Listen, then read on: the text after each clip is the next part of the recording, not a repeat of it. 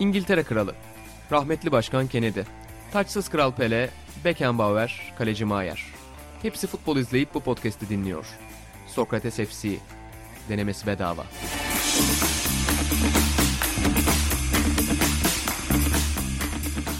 Sokrates FC'den herkese merhabalar. Futbol dünyasının enine boyuna tartışıldığı, konuşulduğu Olay Podcast'ın yeni bölümüne hoş geldiniz efendim. Uluslararası bir podcast olduğumuzu hep konuşuyoruz tabii ki burada. Aynı zamanda biliyorsunuz dergi reklamı da yapılan bir podcast'ti. Sokrates derginin yeni sayısı çıktı. Zeka Merkez Kortlu sayı ve onu da reklamını yapacağım ama kimle yayında olduğumu söylemedim. Heyecanla girdim reklam yapayım diye. Ben İnan Özdemir, Atahan Altınordu ve İlhan Özgen'le birlikte bu yayında olacağız ve bu dergi reklamında olacağız. Hoş geldiniz arkadaşlar arkadaşlar. Hoş bulduk inanım.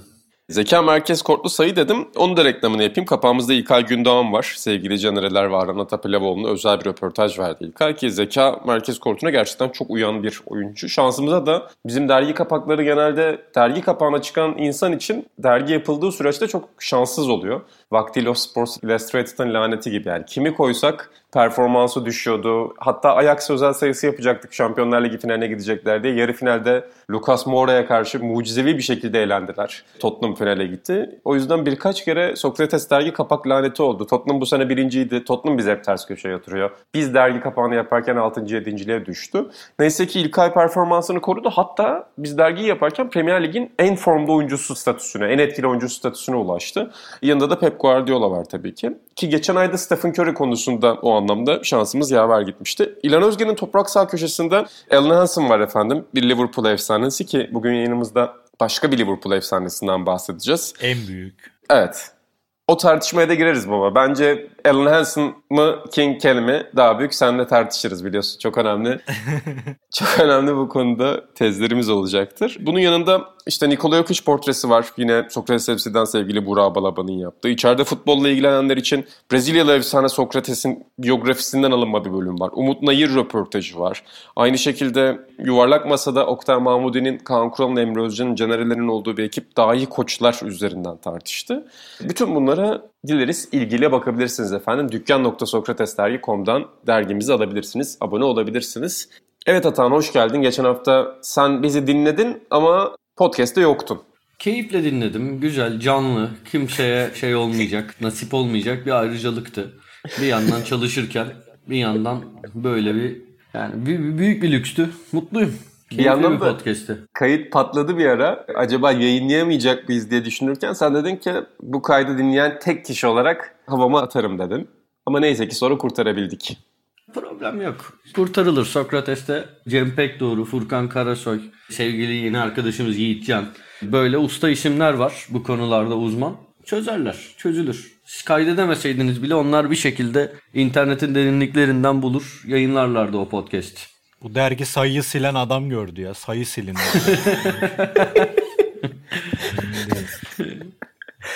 İlhan bu bir de şey vardır ya işte Sex Pistols'ın ilk konserini 17 kişi izledi. Sonra o bizden dil anlattı. İşte Velvet Underground'ın ilk albümünü 30 kişi aldı ama alan 30 kişinin hepsi grup kurdu. Ondan sonra bizim de podcast'ta öyle bir şey sıkardık. Belki bir işe yarardı. Aynen. En güzel bölümdü falan. Olur ya öyle. Kaçırılan bir de en iyi e, albümü, işte en iyi şeyi. En iyi Bilmem kim hangi futbolcunun en iyi maçının kaydı yok falan. Kime vardı İlo öyle? Öyle bir şey vardı ya. Var var Pele için de o deniyor işte. Yani ha Pele tamam Pele Pele diyecektim de emin olamadım. en iyi performansı o ama dünya izleyemedi maalesef. Sadece Brezilyalılar izledi falan diyorlar. Neyse. E, inan şey var. Dream Team'in antrenman maçı. Gerçi o sonradan çıktı piyasaya da. Baba o gerçekten müthiş bir şey ya. Bu arada onun tamamı hala çıkmadı benim bildiğim. Yani bizim o izleyebildiğimiz versiyonu Jack McCallum'un bulduğu versiyon. Evet. İnanılmaz bir versiyon. Yani orada bile görüyorsun ama maçın tamamı yok. Ya zaten çok pürüzlü bir kayıt fakat o kaydın hikayesi müthişti. Yani onu bir gazetecinin alıp bulup tekrar ortaya çıkarıp işte bir de gidip onu Jordan'la, Magic'le, Bird'le falan izlemesi ya gerçekten insanın aklı almıyor. Yani bir gazeteci olarak ki Jack McCallum zaten çok üst düzey bir insan. Neler neler gördü de şeyi düşünemiyorum. Yani böyle bir kayda sahibim ve bu insanlar telefon rehberimde. Bu insanlarla o maçı tekrar izliyorum. Akıl almaz bir şey ya. Akıl almaz bir şey yani. Ben gene de İspanya'da olup o maçı izlemek mi yoksa Kalamış'ta bir Atağın Altın Ordu maçı izlemek mi? İnan tercihim belli benim yani. Ama haklısın. Özledik. Özledik top oynamayı. Rekabetçi anlamda çok zaten yani benzer karakterler. Biz daha önce bu Last Dance'te de konuşmuştuk. Kesinlikle. Kumarbaz yönüyle de Michael Jordan'la çok benziyorlar. Yani kumarbaz derken sadece kumar değil, yapılan her şeydeki kumarbazlık. Babama ve Michael Jordan'a çok benziyor Atan. Hep söylerim bu konularda. Peki Atan, sen, senin için de yepyeni bir dönem başladı. Tekrardan bir dakikada ona muhabbetini açayım. Tekrardan lokantalar açıldı. Hayırlı olsun diyeyim sana da. Teşekkür ederim. Valla dükkanda çok sıkılıyordum. Her şeyden önce yani iş falan bir kenara da çok sıkılıyordum gerçekten. Böyle masalar kenarda karanlık oturuyoruz bütün gün dışarıya koştur git. Şimdi böyle girdim salı günü dükkandan içeri. Pırıl pırıl dükkan, insanlar dinamik, işler tıkırında diyen Altan Çamlı gibi girdim içeri. Ha, keyifli günler. Ee, Umarım böyle devam eder. Öyle mutluyum. Yani şey mi fark ettin? Aslında senin orada yaptığın şey insanların yani insanlara et satmak, bezelye satmak ve para kazanmak. yok, ben- insanlara güven şey, Yok, yani güven bir- miymiş o Ya sıcaklık öyle, o öyle, arkadaşlık öyle bir mı? şey ya öyle bir şey söylemiyorum. Onu söylemek bana düşmez ama gerçekten şey bizim yani sonuçta şey ya belli bir bölgede bir lokanta tabii. AVM'nin içinde değil. Hep yani aşağı yukarı gelen 10 kişinin 9'u müdavim ve hani çok iyi ilişkilerimiz var. Çok iyi iletişimimiz var misafirlerimizle. Hem Sencer'in hem benim. Hani özlüyoruz. Ee, Biz hani Öyle şey çok hasret giderdik. Çok güzel. Ben şeylere çok duygulanıyordum. Gelip bize dükkanın önüne arabayı çekip arabada yiyen insanlar vardı. Yani çok güzel bir şey. Gerçekten çok mutlu edici bir şey ama şimdi onları böyle çayla, kahveyle, sohbetle, futbol sohbetleriyle, hayat sohbetleriyle birlikte ağırlamak çok hakikaten keyif. Valla şu günlerde ben salı gününden beri alarmdan bir buçuk saat önce uyanıyorum. Keyifle gidiyorum yani gitmek istiyorum. Özlemişim. Güzel.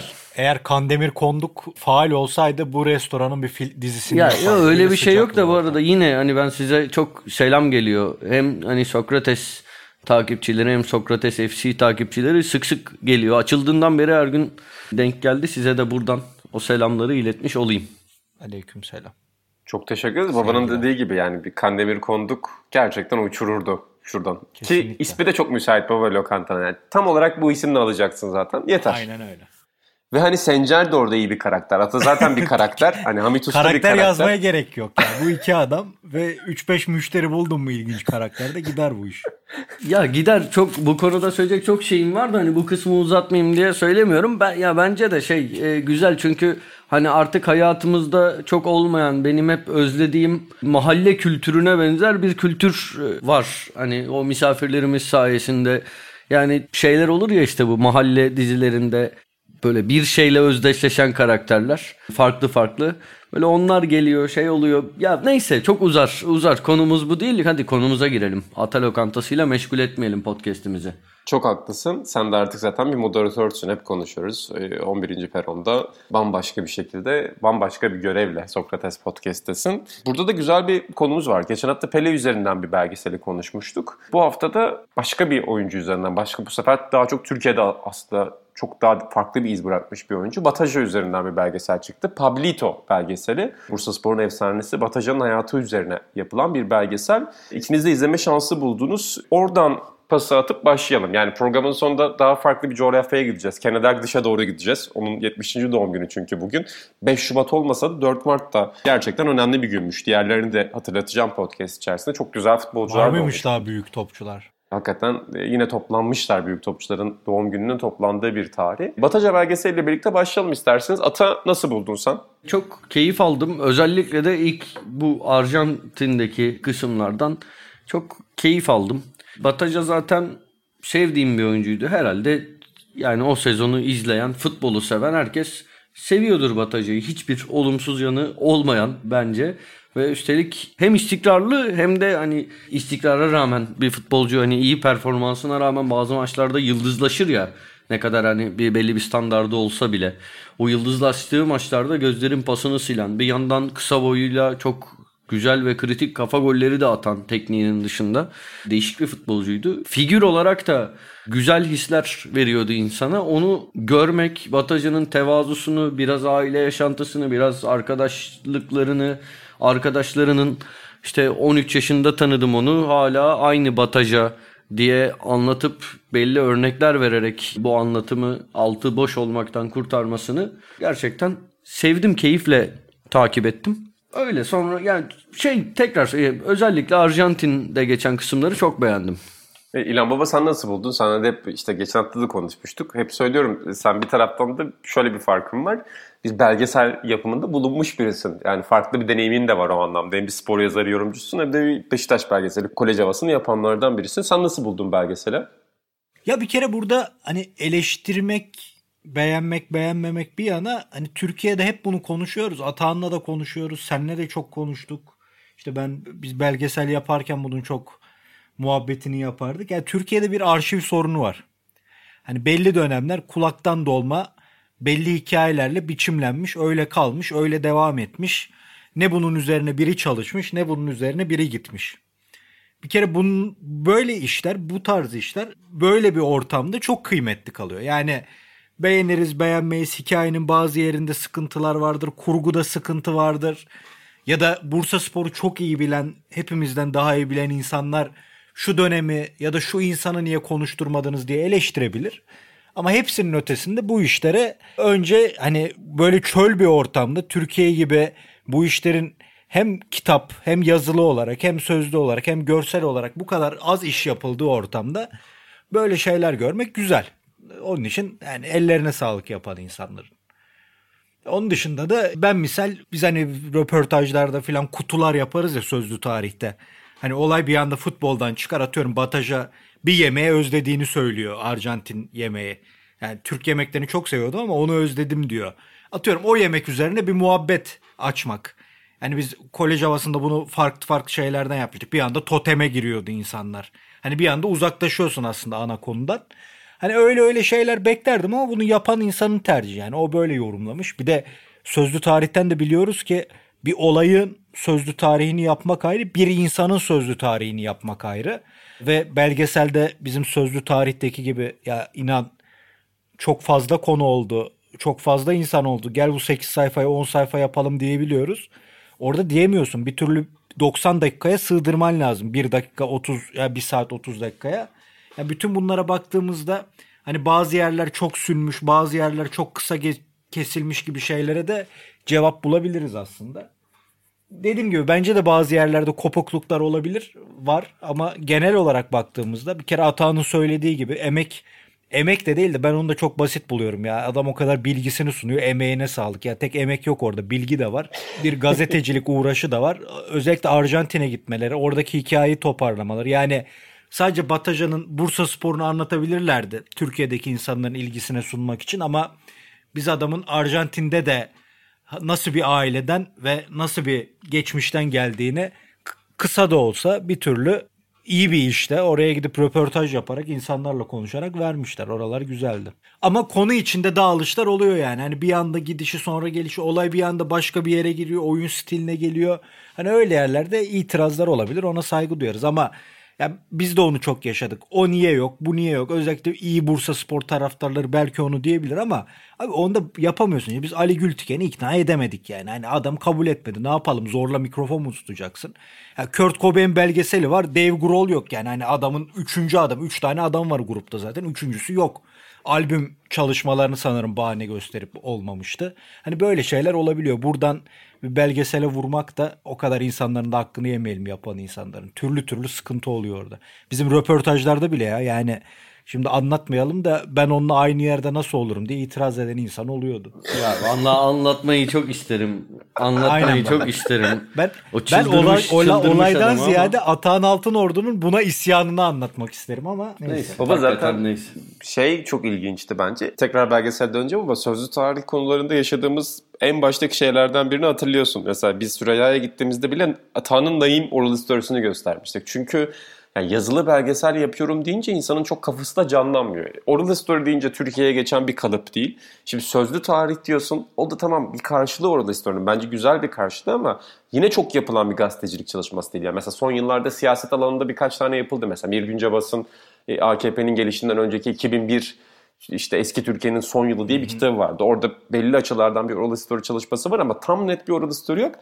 Onu anlatmak zaten aslında pro, yani sürecin önemli parçalarından biri. Burada insanlar anlamıyor değil, daha önce yapılmadığı ya da benzeri çok yok anlamında söylüyorum. E, diğer taraftan senin söylediğin gibi de insanlar arka arkaya olunca benim sözümün değeriyle onun sözünün değeri bir mi diye düşünüyorlar. Bazen sürecin içinde çok önemli rol oynayan biriyle süreci dışarıdan izleyen bir gazeteciyi aynı anda konuşturuyoruz. Bu da çok normal. Belgesellerde de bunu yaparlar zaten. Hani Scottie Pippen falan muhtemelen bunu demiyordur. Orada daha farklı işleri için içler ama işte onunla da konuşmuşsunuz. Ben onunla küsüm. Mesela bu çok yaşandı. Evet. Yani dediğim gibi o işleyişte çok farklı durumlar oluyor. Onun içinde bulunmadan yani insanların bu yaptıklarına çok fazla laf etmeye gerek yok. Biz şeyde bile abi kolej havasının galasında bile ya şey abilerimiz oldu. E bu sinemada gösteriliyor ya. Tamam belgesel abi. Belgesel de sinemada gösteriliyor. Bizde belgesel hani belgesel kanallarında ya da TRT'de öğlen kuşağında Bean'de ya da böyle hani konulan bir şey gibi görüyorlar. Belgesel de bir film zaten sinemada gösteriliyor yani. Baba bir de orada söylediğin bir başka zorluk. Sen yayın öncesi konuşurken de yani bizde Türkiye'de çok ciddi bir futbol ilgisi olduğu aşikar ama yani futbol belgesellerinin yapılmamasının birinci sebebi arşiv eksikliği. İkinci sebebi de maddi olarak tabii ki insanlar bunu çok karşılığını alamıyorlar. Çok fazla izleyici olmuyor ya da izleyiciyle buluşacak kanallar. Maalesef Türkiye'de artık sinemalarda bir tekelleşme var. Öyle küçük filmlerin ya da başka tip yapımların izleyiciyle buluşma şansı yok maalesef gişe garantisi olan işler istiyor herkes sizden. Bir başka zorluk da o. Yani cesaret etmek de çok zor bir iş. Buna gerçekten gönül Kesinlikle. vermeniz gerekiyor. Aynen. Onun için kutla, kutlayarak başlamak lazım eleştirilere de. Yoksa ben ne derim abi Sedat abi Sedat'a 3 niye yok yani? ya basitçe sallarsın insanlara ama ya belki bir şey uyuşmadı. Belki koydular Sedat abi güzel konuşmadı. Ama bizde bir ton insan vardı mesela ama o akışta çünkü bu senaryonun akışı defalarca değişiyor aylar geçtikçe. O akışta değerlendirmiyorsun. Yani bir şey oluyor. Hani onu öyle değerlendirmek yerine genel olarak bakmak lazım. Genel olarak da Atan da dediği gibi ben de yani bu işler az yapılıyor. Türkiye'de iz bırakmış bir oyuncuyu böyle görmek çok güzel olmuş. Ellerine sağlık yani. Yoksa eleştirmeye bakarsak buluruz yani. Sen Osman Nuri Biçer'i orada şey yapmışsın baba özellikle. Senin en belgeselde beğendiğin karakter olmuş. Fark, fark katan karakter olmuş. Tam benim işim yani tam benim seveceğim muhabbet. Ya bayılırım böyle şeye. Abi her detayı anlatıyor. Çorapçı Faruk'tan giriyor. Batajan'ın gelişini anlatıyor. Yani olayı derinleştiriyor. Çok bayılırım öyle muhabbetlere, röportajlarda. Ya misal şey var. Hani Ardiles Fikret amigoları ya. Bataja ondan bahsediyor. Bir adam vardı Ardiles diyorlardı. Ardiles'e de çok benziyordu. Ya misal ben yapsam naçizane yani yanlış anlaşılmasın orada bir Ardiles Fikret bölümü yapabilirdim. Hani Bataja, Ardiles, Arjantin, buradan Ardiles Fikret. Ama belki bir şey var yani belki Ardiles Fikret konuşmadı. Belki adamların ona karşı bir yapanların bir ne diyeyim yani olmaz o gibi şey var. Yani bu tamamen bizim subjektif yorumlarımız. Yani ben olsam şöyle yapardım ama yani genel olarak çok da hani ne denir ona böyle vurucu eleştiri yapmaya gerek yok. Yani sen de olsan farklı yapardın. Sen de yaparsın bir ara derler adamın. Küçük şey, bir şey söyleyebilir miyim? Ha söyle Tabii. sor sor abi. Ben de senin burada Oralı Stone'un reklamını yapacaktım. Şimdi az önce bir Kandemir, Kandemir Konduk senaryosu da birleştirdik. E, Atahan Altınordu ve Sencer Yücel'e. Ama daha evvel Kasım 2015'te ki ondan da önce ev arkadaşı oldular zaten ama Kasım 2015'te bir Bursa Spor sözlü tarihi yapmıştınız Sokrates'e. Belki şehre bir film gelir başlığıyla ki spotta da yine Sezen Aksu'ya göndermeni yapmışsın başlıkları. Her ara, spotta. ara başlıkları Sezen Aksu şarkılarından zaten koymuştuk. Hatırlıyor musun hangi şarkıları koyduğunu? Valla şeyle açılıyordu. İkinci baharı hatırlıyorum onunla açıldığını. Şunları evet. hatırlıyorum. Bir şey vardı. En uzun gece diye başlığımız vardı. Evet. Onu çok iyi hatırlıyorum. Bir geri dönüşler çok olduğu için geri dönü koymuştuk. Onu hatırlıyorum. Evet. Şarkı adı değil de şarkıdan şey bir acayip zor yarış koymuştuk. Bak onu da hatırlıyorum. Yanlışım yok değil mi? Helal olsun. Yani gerçekten Vallahi, helal olsun. Şu bir de söyleyeyim. kapanışı kapanışı uçurtma bayramlarıyla yapmıştık. O da Sezen Aksu bestesi olduğu için. Valla mikrofonu kırmayacağımı bilsem yani sesi patlatmayacağımı bilsem alkışlardım seni şu anda. Arada bir İki, şeyler daha olması lazım ama. İkinci baharla başlıyorsunuz. İkinci bölümün adı Geri Dön Geri Dön. Üçüncü bölüm En Uzun Gece. Sonra Sensiz içime Sinmiyor. ha evet e, e, evet evet evet ya şey biraz duygusal olmuş. Ama o, o onun da bir şeyi var. Anlamı vardı orada. Neyse, neyse evet. Sonra devam ediyorum. Bir acayip zor yarış. Ee, arkasından bu gece.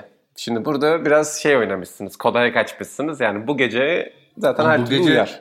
Ama Sezen Aksu'nun çok güzel bir şarkısıdır bu gece. Yani şey bu 80'lerin funk disco akımı vardır ya dünyada. Türkiye'de onun en iyi örneklerinden bir tanesidir ki çok nadir örneği var. Sezen Aksu'nun bu gece şarkısı baya güzel bir şarkıdır. Sonra kolay değil. O da güzel bir başlık olmuş. Ama bence bitiriş süper. Yani uçurtma bayramları çok güzel başlık. Tebrik ediyorum seni buradan bir kez daha. Hatta şey neyse teşekkür ederim. Bu arada Söyle, madem söyle. öyle Oral History'den sözlü tarihten açtın konuyu şey Osman Osman Nuri Ekiz diyecektim. Kadıköy Anadolu'da müdürümüzdü. Os- Osman Nuri Ekiz de şey yapmıştı ya. Duman konseri olmuştu bizim okulda. Kaan Tangöze sahnede e, sigara içerken hoparlörleri kapattırıp söndür evladım o sigarayı diye bağırmıştı. Unutamadığım bir andır Kaan Tangöze'ye. Al sana Kandemir Konduk filmi dizisi işte. Neyse Osman Nuri Biçer'e geçelim. Sözlü tarihte yanlışım yoksa ikinci başkan Ali Gözkıyıcı anlatmıştı. Ki ben Osman Nuri Biçer'le konuşmayı çok istemiştim de bir türlü takvimine uyduramamıştık. Osman Nuri abinin. Galatasaray maçından önce Bursa Spor'un şey oluyor. Bütün takımın alacakları ödeniyor. Bir tek Volkan Şen'e ödenmiyor çünkü alacağı yok. Ama neden bilmiyorum. Alacağı olmayan Volkan Şen para alamayınca üzülüyor. Herkes para aldı ben alamadım diye. Bunu Osman Nuri Biçer fark ediyor. Problem mi var ne, ne var diyor Volkan senin derdin ne diyor. Volkan anlatıyor. Artık niye kulübün kasasında para mı yok? Bir şey yok yani. Benim bahsettiğim ya yanlışım yoksa Haluk Özkıyıcı işte ikinci başkan. Onun şirketinin kasasından bir para alınıp Volkan'a veriliyor. Şey diyor ama yani ya işte gol atarsan vereceğiz mi diyor ya da veriyor gol atacaksın diye söz mü alıyor? Volkan Şen Galatasaray'a gol atıyor. 1-0 Bursa Spor kazanıyor. Kulübeye değil Osman Nuri Biçer'e koşuyor Volkan Şen. Böyle de bir şey var. Şampiyonlukta böyle bir rolü de var. Osman Nuri Biçer abinin. Zaten benim en sevdiğim şampiyonluk hikayeleri budur her zaman. Yani keşke her şampiyonun mesela NBA'de şey geleneği var ya her şampiyonun bir e, belgesel filmi yapılır kesinlikle. Eskiden işte bir ara CBS, NBC falan da yaparmış. Bunun çok böyle müthiş olmaz, çok derinlikli olmaz o kayıtlar ama üstün körü de olsa o sezonun temel hikayeleri hep olur. E, keşke Türkiye'de olsa muhtemelen zaten bütün belgeseller ve kitaplar şey olur. Zaten yazılanlarda hep öyle. İşte o dönem paramızı alamıyorduk. Hoca çıkardı cebinden verdi. O dönem paramızı alamıyorduk. Bilmem ne kasadan verdi. En klasik Türk kulüp hikayesi de budur herhalde. Şu an buradan buradan da şeyi söyleyeyim. bu. Bursa'nın Willis Reed'i de Osman Nuri Biçer olurdu diyorsun. burada. Aynen baba. İnanılmaz bir hikaye zaten. Ee, Buradan şeyi de söyleyelim Atan. Bataja açmıştık. Bataja devam edelim. Ee, sen de demiştin yani yayından önce de konuşuyorduk. Yayında da söyledin galiba. Herkesin herhalde çok sevdiği bir oyuncudur demiştin. Çok iz bırakan bir oyuncu Türkiye. Türk futboluna çok iz bırakan bir Arjantinli oyuncu. İkinize de buradan sözü uzatacağım. Türk futbolunda Arjantinli oyuncu geleneği deyince başka kimler aklınıza geliyor? Burada bir dakika en başta bir İlhan yüreği varsa Gençler Birliği'nin Arjantinlerin Arjantinlilerinden bahsetsin. Rinaldi'si, Zakarya'sı. Ama ondan önce de galiba İ- İlhan bir takımda şu ya Vefa'da, böyle vefası. Vefa'da. Heh, bak Vefa, Vefa Toprak sahayı Spor. okumuyor işte. Tamam işte. Tamam. Ya dedik işte yani dedik. Bir de şey isimlerini hatırlamıyorum da daha doğrusu soy isimlerini hatırlamıyorum da ilk isimleri aynıydı Vefa'dakilerin. Aynen aynen. Montemarane esas. Chavez'i çok anlatmazlar da Montemarane ile oynayanlarla da konuşmuştum. Jorge ben. miydi Onu isimleri? çok- Evet evet Ha. Jorge. Bir de adalete gelen Oscar Garro var. Çok eskilerden. Daha da eski. O zaman profesyonellik yokken daha. Evet baba bu ben de... Ama Gençler senin- Birliği'nde oynayanları ben hatırlamıyorum yani şeyini. Oynayan doğru söylüyor Atan. Birkaç tane var ama ben onları hatırlamıyorum. Benim ilk hatırladığım Arjantin'i Türkiye'ye gelen Nartallo'ydu. Nartallo'yu hatırlıyorum yani. Fenerbahçe'ye attığı çılgın gol, saçları, bandajı, o ilginç Frank Zappa'ya benzeyen fiziği. Yani her şeyle hatırlıyorum Nartallo'yu. Nartallo'yu ben de hatırlıyorum. Yani çok net hatırlıyorum Nartallo'yu. Net hatırladığım ilk Güney Amerikalı futbolcu. İnan bu arada buna dönelim de belgeselde tam senlik bir yer var. Hatta kulaklarını çınlattım. Hatta üç, yani üçümüzlük bir yer. Ertuğrul Sağlam'ın idmanları övülüyor. Tam yani Şansal Büyükağa'ya olayı Bataja anlatmış gibi. Yani o kadar ağırlık binmiş ki ben böyle idman yapmadım demiş. Tam Şansal abiye Bataja vermiş bilgiyi. Onu hissettim. Bu ben de Arjantinli futbolcu deyince direkt Oscar Lucas Garro diyecektim. Çünkü benim için de çok önemli bir figürdür. Benim de tek bildiğim yani ilk sizin senin sayende bildiğim şeylerden biri Murat Toklucu'nun yabancı sınırı yazısı vardı. Oradan aklımda kalan bir şey. 1955-56 sezonu. Evet siteye de yazısını yazmıştım. Bülent abiyle falan da çok konuşurduk. Aynen öyle ilginç bir adam geliyor. Ama dediğim gibi oynarken hatırladım. Ben Nartallo'yu hatırlıyorum. Sonra da işte Ortega'ya kadar ki yani mesela Göztepe'li Fernandez, Rizeli Erkoli onları da çok hatırlamıyorum. Ama sonrası Karuska, Zurita, Delgado, Kangele bunların hepsi zaten full hepimizde. Ben Delgado'yu da severdim bu arada izlemeyi. Ya ya belki Tabii, tabii. Bu, bence Bataja falan ondan iyiydi tabii de ama bana ki ben zaten on numaraları severim biliyorsunuz. Bu- Birçoğunu severim. Delgado da keyifliydi. Kangele de ilginç bir oyuncuydu. Garip adamdı yani. Kolman da Tabii iyi doğru bir oyuncuydu. Ama Kangele gerçekten keyifliydi. Kangele zamanı bir de Martinez, Kolombiyalı kaleci vardı. Hmm, aynen. Ee, Valla o en ligde en sevdiğim yabancılar arasındaydı ikisi de. Neyse şimdi Kolombiya değil konumuz. Ben Nartallo ile, Nartallo ile ilgili küçük bir anekdot aktarmak istiyorum. İşte bu gelişim spordan sonraki spor ve spor dergisi var ya. Benim evde onun arşivi var. Ee, Nartallo röportajı vardı. Şey başlıklı zaten derginin kapağında da Nartallo vardı. Röportaj başlığı 2 yıl sonra İtalya'dayım. Çok iddialı bir şekilde 2 yıl sonra İtalya'da muhtemelen Milan'da oynayacağını söylüyor ve ağzını şey kardeşim. bir de şey var ya baba Rene Hausmann Arjantinli. Bu onun menajeri. Her şeye Rene Hausmann'ı örnek gösteriyor ve onun aynı zamanda akıl hocası Rene Hausmann'la şeyi konuşuyorlarmış. İşte Batistuta da iki yıl önce tanınmıyordu. Bugün İtalya'da dünya yıldızı. İşte ben de Batistuta gibiyim. Bir yandan Kempes'e benzetiliyorlar. Benzetiliyor. Kempes'e örnek alıyor. Hani çok emin bir şekilde İtalya diyor ama petrol ofisinde gördük sonrasında onu. Aynen. Rene Hausmann da güzel de dağıtan inan onun olayı yani futbolculuğla Dünya Kupası falan oynamış bir oyuncu 70'lerde de daha sonra oyuncu menajerliğinde acayip para kazanıyor adam. Hatta Simon Cooper'in kitaplarında falan sık sık geçer onun Evet, evet. çevirdiği para işleri falan. ilginç bir adamdır o da şey olarak. Hani futbol sonrası kariyerde uçanlardan. Arjantin'de o topçuları pazarlayıp. Ama baba benzetme acayipmiş yani. Hani sen Milan deyince ulan bari az bir kulüp söyleseydin diyorsun. Benzetilen oyuncular da Batistuta ile Kempes. Bu Hiçbir açıdan mütevazı olunmamış. Bir üçüncü daha var. Rene Hausmann. Batista'da Kempes Rene Hausmann. Bu arada şey değil mi ya? Ya ben 90'lardan başka Arjantinli hatırlamıyorum abi. Ama Yani- işte dediğim gibi ben de Ortega ile onun arası cidden yok yani hatırlamıyorum onları. Ya Yani vallahi 99'da gelmiş Göztepe'ye Fernandez hiç hatırlamıyorum ben onu yani. Ortega hatırlıyorum. Ortega yani zaten Ortega'yı herkes hatırlıyor. ya Ortega Ortega bir de ya geliş süreci ya hatta işte Almeida ile birlikte gelecek falan çok uzun süre Ortega Almeida daha geldikten öncesiydi zaten. Denizli döneminden Almeida yazılıyordu. Ama Ortega ile bir daha Ortega Almeida ikisi Inter'e gitti ayağı kırılmıştı. Doğru diyorsun öyle bir şey olabilir tekrar. Çok uzun süre Ortega yalnız kalmasın işte bu Güney Amerikalılar işte çok hatta şey deniyordu homesick oluyorlar. Öyle bir tabir kullanılıyordu. Bunlar çok duygusal insanlar homesick oluyorlar. Ee, yanına bir Arjantinli daha almak lazım. Burada da şey baba kimin lafıydı şey? Bir Brezilyalı yarar, iki Brezilyalı karar, üç Brezilyalı zarar. Böyle bir laf vardı. Hatırlıyor musun? Aynen. Kimin? Evet vardı ama kime ait bilmiyorum. Neyse. Tam öyle- bir Erman Toroğlu şeyi gibi ama denklemi gibi gidişat. Evet ya bir yandan da şey falan ya ne bileyim bence bunu Özkan Sümer falan da söyleyebilirdi ama sanki yabancı biri söylemiş gibi hatırlıyorum ben. Ama yabancı biri söylediyse nasıl bunu böyle yarar karar zarar diye Aynen, çev- o iyi çe- çevirene, çevirene helal olsun.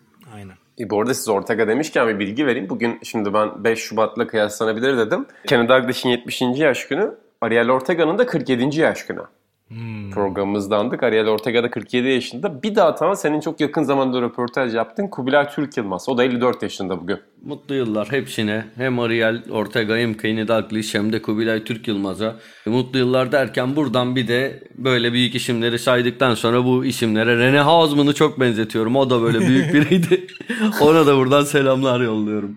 Bu arada baba Zico da 24 saatle kaçırmış ki bugünü bambaşka bir noktaya taşıyabilirdi Zico. 3 Mart 1953'te doğmuş o da. Aynen. O da 4 Mart'ın kaybıdır yani. Peki Ortega'nın oyunculuk e, özellikleri itibariyle ne diyorsunuz? Yani hep tabii ki çok büyük bir fenomendi. Türkiye'de de belli açılardan iz bıraktı ama onunla ilgili hep işte çok daha büyük bir yetenekli, çok daha büyük şeyler yapabilirdi gibi bir algı var. Kesinlikle beklentileri karşılayamadı.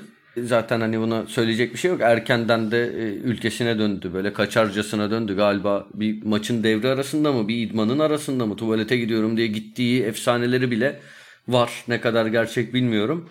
Ama bir maçı var abi. Art ya ya Erzurum Spor ya Elazığ Spor. İnan inanılmaz ya. Fenerbahçe'de akıl almaz futbol oynadığı bir maç var. Öyle onu söylemek istedim ya. Potansiyelinin tamamını yansıttığı bir, ma- bir maç oldu Fenerbahçe'de. Bir de o dönem abi şöyle bir şey de vardı yani adam zaten psikolojik olarak sıkıntıları hep vardı da işte 98'de çuvalladı kafa attı 10 kişi bıraktı falan. Bir de abi o zaman Arjantin'de 10 numara giyen herkese Maradona'yı yapıştırıyorlardı. Yani adam bir de onun şeyle gölgesiyle başladı hayatına. Ya başlıyor yeni Maradona işte küçük eşek filan öyle lakaplar. İşte Diego, yeni Diego, 10 numara İtalya'ya gitmiş. işte Sampdoria'ya falan gitmişti. Ya onun da yükü vardı. Mesela bence Hollandalılar o yükü çok çabuk attılar. Bir ara herkese Cruyff takıyorlardı. Onu çabuk bıraktılar. Birçok ülke bunları çabuk bırakırken Arjantin'de bunun konuşulması Arjantin biraz fazla şey. Hani spekülasyonların çok fazla olduğu bir ülke. Geçen Buray'la da konuştuk. Dünya Kupası'na gidiyorlar. Yok o forveti aldım bunu almadın. Yok şunu aldın şunu almadın. Yok saçlarını kesenleri aldım kesmeyenleri almadım. Yani acayip spekülasyon ülkesi ve bu adamların çoğu da belki de bu kavgadan kabuğunu yarıp da çıkamıyor. Hele bir de Ortega gibi psikolojik sorunları olduğunda. Onun için biraz da şey bir dönemde geldi. Karmaşık bir dönemde geldi. Yani o Maradona sonrası o bayrağın direkt teslim edilmesi. Fenerbahçe'ye de karmaşık bir dönemde geldi. Tabii Aynı tabii şekilde. tabii. Laurent değil mi? Laurent. Evet Laurent, Laurent senesi. Öyle yoksa saf yeteneği iyidir tabii ama yani o kadar şeyciler de var hani Maradona kadardı filan da ya o kadar da abartmaya gerek yok. İyiydi, güzeldi, hoştur da o öbürü apayrı bir şey ya. O farklı bir olay. Baba orada bu iki oyuncu arasında yani yine senin dediğin gibi Maradona'ya benzetilen belli açılardan yeteneği çok övülen ama bir açıdan hayal kırıklığı yaratılan isim de tabii çok klasik Riquelme. Riquelme'nin sen yetenek seti olarak oralara yakın olduğunu düşünüyor musun? Abi Riquelme de çok temposuzdu misal yani. Atağında hatırlar onu. Ya Villarreal'de misal iyi sezon yarı final oynadıktan için penaltıyı o kaçırmıştı. Mesela 2002'ye niye alınmadı diye. Onun da kavgası oydu. 2002'ye niye Riquelme alınmadı? Niye götürülmedi? Muhabbeti vardı. Yani çok büyük bir futbol beyniydi. Özellikle o ya Boca tarafı falan çok keyifli maçları var. Evet çok yetenekli ama hani tempo olarak çok sıkıntıları vardı abi adamın. Yani Maradona gibi damga vurmasını beklemek de ne bileyim. Ya Maradona sahada çok kavga eden bir oyuncu. Maradona atın lan topu sol, sol ayağıma da bir vole vurayım diye top oynamıyor yani. Hani herif sahada bildiğin Gattuso gibi kavga ediyor. Kendini yırtıyor. Takıma acayip liderlik yapıyor. Yani Zico, Maradona bu Platini de diyordu yani röportajda ya onlar 9 numara gibi oynuyordu dönem dönem diye. Onlar sahayı çok geniş oynayabilen 10 numaralar. Yani öyle Maradona gibi koşmayan oyuncu artık bulunmuyor diyorlar. Ya Maradona'yı 90 dakika izlesen ya tamam topsuz oyuna bulaşmıyor da toplu oyunda Ciro Ferrara topu alıyor. Ciro Ferrara'nın yanına geliyor topu alıyor. Servis yapıyor tekrar koşuyor. Kendi yarı sahasından geçtiği zaman bir daha topu alıyor. Tekrar servis yapıyor. Yani çok faal oyun içinde bu adamlar. Yani Riquelme'nin bu kadar temposu, bu kadar e, liderlik vasıfları falan yani hep Maradona ile yanlış karşılaştırmalar. Başka oyuncuydu. Keyif veriyor muydu? Cidden veriyordu. Ben de Riquelme'yi izlerken keyif alıyordum. O Villarreal keşke geçse dedik. O penaltıyı kaçırdığında üzüldük ettik ama yani o kadar da Maradona başka bir şey abi yani. Messi'yi karşılaştırmak doğru misal. Yani bence yanlışlar vardı ortada. Ya Messi o seviyede bir o. Çok muazzam bir şey. Ama bunlar o kadar değildi yani. Ya Ortega'yı bilmiyorum hani söylediklerine daha doğrusu katılıyorum da Riquelme izlemesi çok aşırı keyifli bir oyuncu olmakla birlikte hakikaten top ayağındayken oynayan bir Tabii, tabii oyuncuydu. Ya bak Ortega bile öyle değil. Ortega çabalıyor, ediyor, pozisyona giriyor, kaçıyor. Ne bileyim ya hep bir çaba içinde Ortega. Riquelme hep benim gözümde canlanan görüntü durup bekleyen bir adam. Gel top ayağına geldiğinde çok güzel işler yapan hani hem şutu hem çalımı hani o gözün pasını silen bir adam da o çaba yoktu Riquelme'de. Ya mesela bizde de geçen Ersun Yanal'da konuşmuş yani Yusuf Şimşek şimdi olsa İngiltere'ye giderdi. Ya, ya zaten Yusuf Şimşek 60'larda top oynamadı zaten de. Yusuf şimdi de olsa gidemez. Bu arada- Temposu yoktu çünkü Bu arada adamın yani. Yani bahsederken aklıma Yusuf Şimşek geldi benim de söylemedim. mesela Riquelme daha iyi pasördür. Ya Yusuf da az pasör değil de Riquelme daha pasa. Ya farklı özelliklerden bahsederiz ama ya temposuzluk olarak anlatmaya çalışıyorum. Yani Yusuf çok yetenekliydi ama şey derlerdi. Ya bu adam istese Zidane olur. Abi Zidane çok tempoluydu ya. Zidane sahada felaketti yani. Hani hissediyordun o şeyini herifin. Liderliğini sahada oynarken hissediyordun. o seviyeye gelebilecek tek Türk futbolcu Sergen'di. Hakikaten Sergen bence olurdu. Ha baba yaşa. Sergen herkes kilolu milolu hatırlıyor. Hayır. Sergen Beşiktaş'ta ilk oynadığında çok aktif. Çok hatta Fuat Yaman da anlatıyor ya bütün şey testlerinden kondisyon testlerinden ya birinci ya ikinci çıkıyordu diye. Ah yaşa Sergen doğru örnek baba. Sergen o seviyeydi evet kesinlikle. Mesela Hacı ya Hacı abi Hacı sahada yatmıyordu. Atan da izlemiştir Hacı statta. Hacı ya, hayatını veriyordu maça ya. Ya tamam gidip de Suat kadar Emre kadar koşmuyordu belki ama oyunda çok aktifti Hacı. Çok çözümler arıyordu. Ya öbürleri yani topu ayağına verdi mi döktürüyor muydu? E, Döktürüyordu elbette ama farklı şeyler o temposuzluk. Hani Yusuf Şimşek şimdi de olsa şimdi hele hiç İngiltere'de oynayamaz. Yani Yusuf Şimşek'ten başka bir oyuncu modeli yaratırsan o yetenekle birlikte oynayabilir. Yani saf futbol yeteneği cidden muazzamdı. Ben izledim de onu. Hakikaten garip bir şeydi yani. Muazzamdı ama ya İngiltere'de niye o zaman niye gidemedi? Temposuzdu adam. Ya şimdi de temposuz kalır zaten yani. Bir de yani Zidane gibi, Hacı gibi işte çok böyle kıyaslanan işte Alex'ler, Sergen Yalçınlar hani çok kıyaslanan oyuncuların bir özelliği de ki özellikle yani Zidane bunların ekstremi, Maradona bunların ekstremi. Yani bu oyuncular maçın kırılma anını herkesten önce görüp maçın kırılma anında ne yapılması gerekiyorsa onu yapan oyuncular. Yani bu bazen bir pas oluyor, bazen bir şut oluyor, bazen bir omuz koyma oluyor ya da bazen takımı ateşlendirecek başka bir şey oluyor. Yani tabii ki onların da kariyerlerinde yaptıkları hatalar var. Zidane'ın çok bariz bir son fotoğrafı var zaten kariyer sonunda. Ama o kupayı oraya getirirken bile sergilediği başka bir tavır var. Yani Riquelme'de olmayan şeyle Zidane'da olan şey sadece hem tempo sizin söylediğiniz gibi hem oyunun başka önlerine katkı vermek hem de orada bir fark var yani. Bu kazanan oyuncuların ya da şampiyon insanların sahip olduğu başka bir gen var. Başka bir karakter tarzı var onlarda. O yüzden e, dedikleriniz burada çok doğru ki ben de e, Atan senin Türkiye'deki Arjantinlilere, oynayan Arjantinlilere dair bir notun yoksa bir başka efsaneyle programı son bölümünde babaya uzatacağım sözü. Ya şimdi tabii ba- bahset biz biraz erken zamanlarda kaldık. Bahsedecek birçok Arjantinli geldi sonra Türkiye'ye ama belki başka bir zaman bu konuya bir, daha denk gelir konuşuruz. Geçelim diğer efsaneye. Kim var Atahan peki ondan sonra senin aklına kazınan? Çok isim geldi zaten. Sadece iyilerden değil. Mesela bir Karuşka'dan bahsedilebilir. Birincisi şeyden bahsedilebilir. Jose Sosa iyi bir Türkiye kariyeri yaptı. Ya çok çok futbolcu geldi en son işte Biglia'ya, Perotti'ye kadar. Çok fazla futbolcu geldi. Bursa Spor'da yine şey vardı.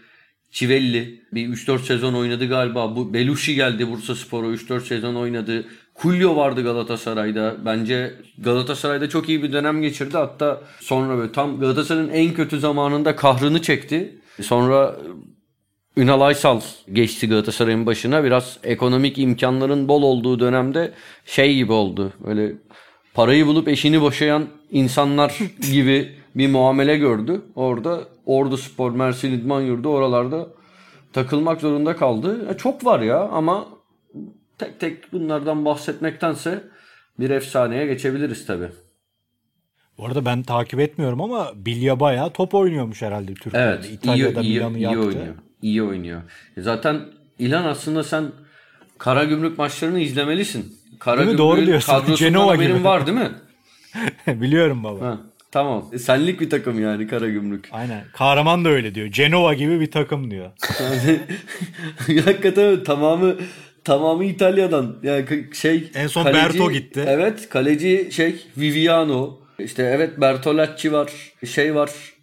Borini var. Borini gitti, Evet. aynen. yani tam senlik bir takım gerçekten.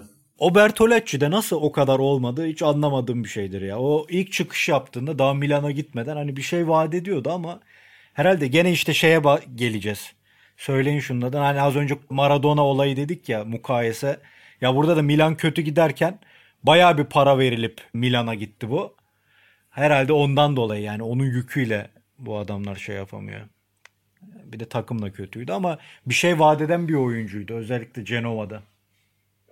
Çok güzel bir öneri geldi Atadan ama Karagümrük e, bağlantısı üzerinden. Burada seyircilerimiz de zaten unutamadıkları Arjantinlerini yazar.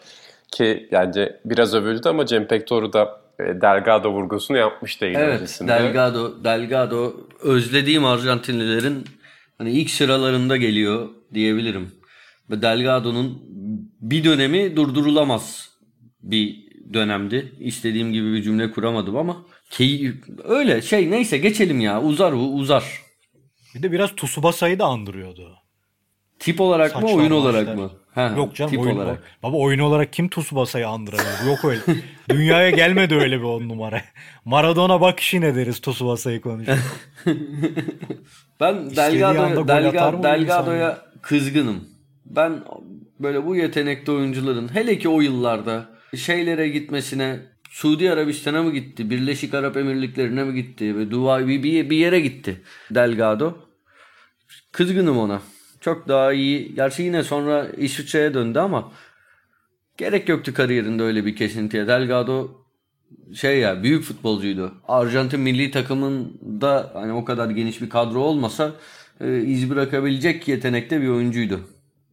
Messi'yi keser misin Delgado'yu? Yok baba şimdi ben öyle bak abar- abartılı bir şey söylemedim ama Anladım. Yok Ee, ben abarttım canım. evet bir de şeydi yani Delgado Baba öyle hocalar olurdu ya böyle hani ağırlığını göstermek için yıldızı harcar direkt gelir gelmez. Öyle bir şov yapsan iyi olur aslında. O bel- belgeseller, belgesellerin en sevdiğim yanıdır. Messi'ye bağırıyorum çünkü herkes biliyor ki ben Messi'ye bağırıyorsam herkese bağırabilirim. Aynen. Ya onun tarihte bence tek samimi olduğu örnek. Yani birçok örnek vardır ama basketboldan iki örnek vereyim. Futbolda da kesin vardır. Hani Tim Duncan mesela o konuda çok iyi. Bill Russell da muhtemelen öyledir. Yani Tim Duncan o kadar iyi bir lider ki ona bağırıyordu Popovic ki Popovic'in sözü zaten bu. O yüzden herkese bağırabiliyordu. Ama çok benzer bir örnek bulmak çok zor. Yani Tsubasa'ya da Delgado'ya da Messi'ye de bu anlamda örnek verebiliriz. Çok güzel bir sohbet oldu gerçekten Ata. Senin de burada Arjantin üzerine konuşmak istediğin çok şey var. Farkındayım Ya inşallah. buradan devam ederiz ya. Kenny Dalglish'i kutladık. Allah uzun ömür versin babaya. Yeter ona o kadar. Seviyoruz. Korona olduğunda üzüldük. Metin Özgen'den mirastır. Severiz, bayılırız. Muazzam topçu. Yeter bu kadar. Liverpool şampiyonluğundan sonra Kenny Dalglish'in gözyaşları beni de çok duygulandırmıştı. Ben de Atan'ı şeye önerecektim. Bir Arjantin futbol kültürü üzerine bir podcast. Beraber Vallahi yapalım yap- Atan. ya, ya, ya ben- bunu yapabilirim Tango. çünkü şey hem hani bir dönem Arjantin Ligi ile bayağı ilgilendim. Doğru aynen doğru. Aa doğru. Evet ya hem de işte bu daha önce bu şeyde podcast'te de e, bahsetmiştik. Kirli Yüzlü Melekler kitabını Jonathan Wilson'ın çok çok severek böyle notlarını falan üstünde alarak okudum. Yapabilirim Arjantin. Yani şey bi- yapabilirim derken hani konunun uzmanıyım falan demiyorum da birazcık bilgim olan bir konu. Peki Jonathan Wilson geldi dedi ki Ata gel bu podcast'i yapalım. Biz de aynı anda böyle bir projeyle çıka geldik kapına. Ben ve İlhan Baba. Ben Ama sizle önce yaparım. bize söz önce bize söz vermişsin. Ya- Satar mısın bize? Hayır satmam ben aynı anda Jonathan Wilson'la siz gelseniz yine sizle yaparım sizle yapmaktan daha ben sizle ne yapsam keyif alırım ya. Ya şey falan da olmuştu sağ olsun ya Jonathan Wilson muydu o Simon Cooper miydi tam hatırlamıyorum.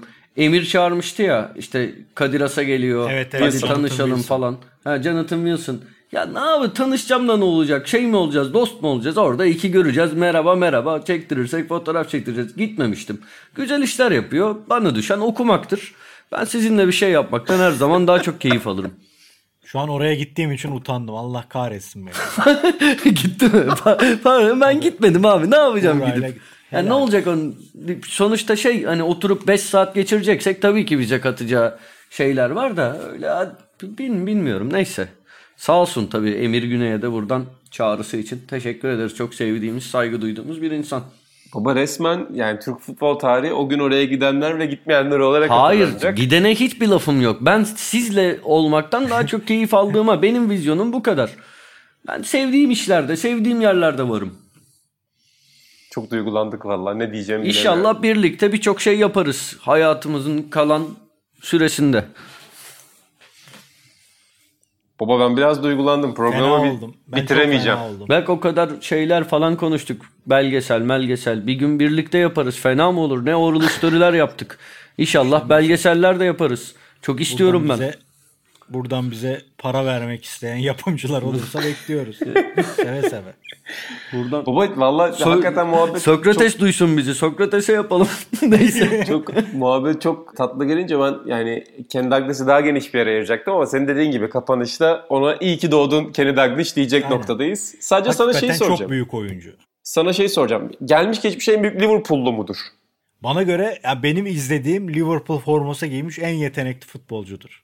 Yani izlediğim de 60'ların sonundan itibaren Liverpool'un o büyük takımların hepsini izledim işte. Ki Barnes'ı filan da çok severim. Steve McManaman ona hayranımdır. Souness'a çok acayip bir sevgim vardır. Gerrard'a bir saygım vardır ama Kenny Dalglish hakikaten çok yetenekli bir oyuncu. Çok acayip yetenekli bir oyuncu yani. Peki zekası mı baba saf yetenek mi yoksa başka bir oyun aklı mı? Çünkü çok fazla özelliğinden bahsediliyor Kenny Douglas'ın. Jurgen Klopp bile yani şey demiş Klopp ki yaşı aslında büyük. Hani onun çok maçı 20 maçını izlemedim demiş ama sadece bugün eski videolarına maçlarına baktığınızda bile farklı bir şey görüyorsunuz orada demiş. Tabii. Ya kulübün işi hani adam antrenör zaten hani ben mecburen Daglish'e oturup izlemeye çalışıyorum da yoksa evde çekirdek çitlerken oturup yeme şey izlemeye çalışmadım.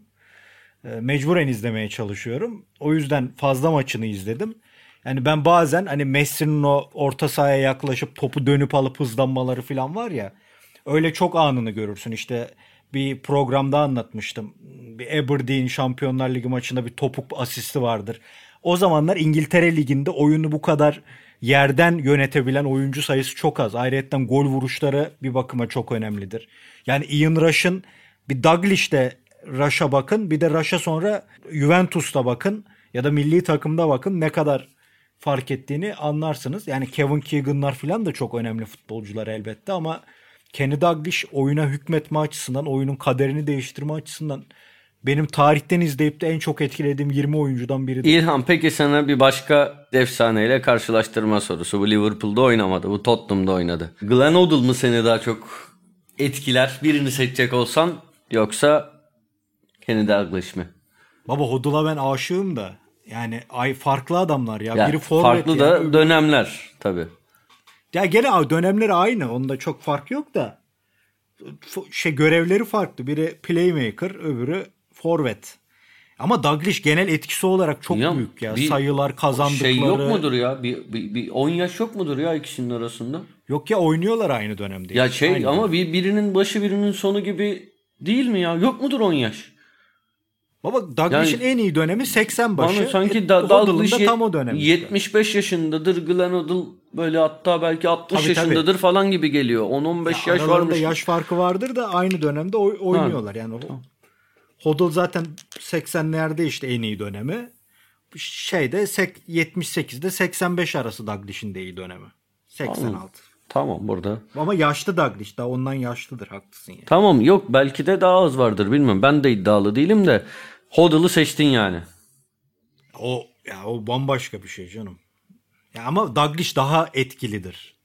Çok etkili abi yani. Bir de şimdi Shankly'nin Liverpool'u değil de daha çok Pezdi'nin Liverpool'u onların takımı. Yani adam o kadar iyi tercihler yapmış ki bir mirası dibine kadar sıyırmaktan ben kendi takımımı kurarım yavaş yavaş işine giriyor ve orada da 3 tane adam seçiyor işte. Alan Hansen, Souness, Kenny Dalglish. Yani üçü de çok büyük emek veriyor. 3 İskoç. Ama Dalglish'in yani çok acayip şeyleri var. Çok çok etkili oyuncu. Ve kazandıklarına bakınca da ya Hoddle'ı donunda sallar denir ya öyle tabi.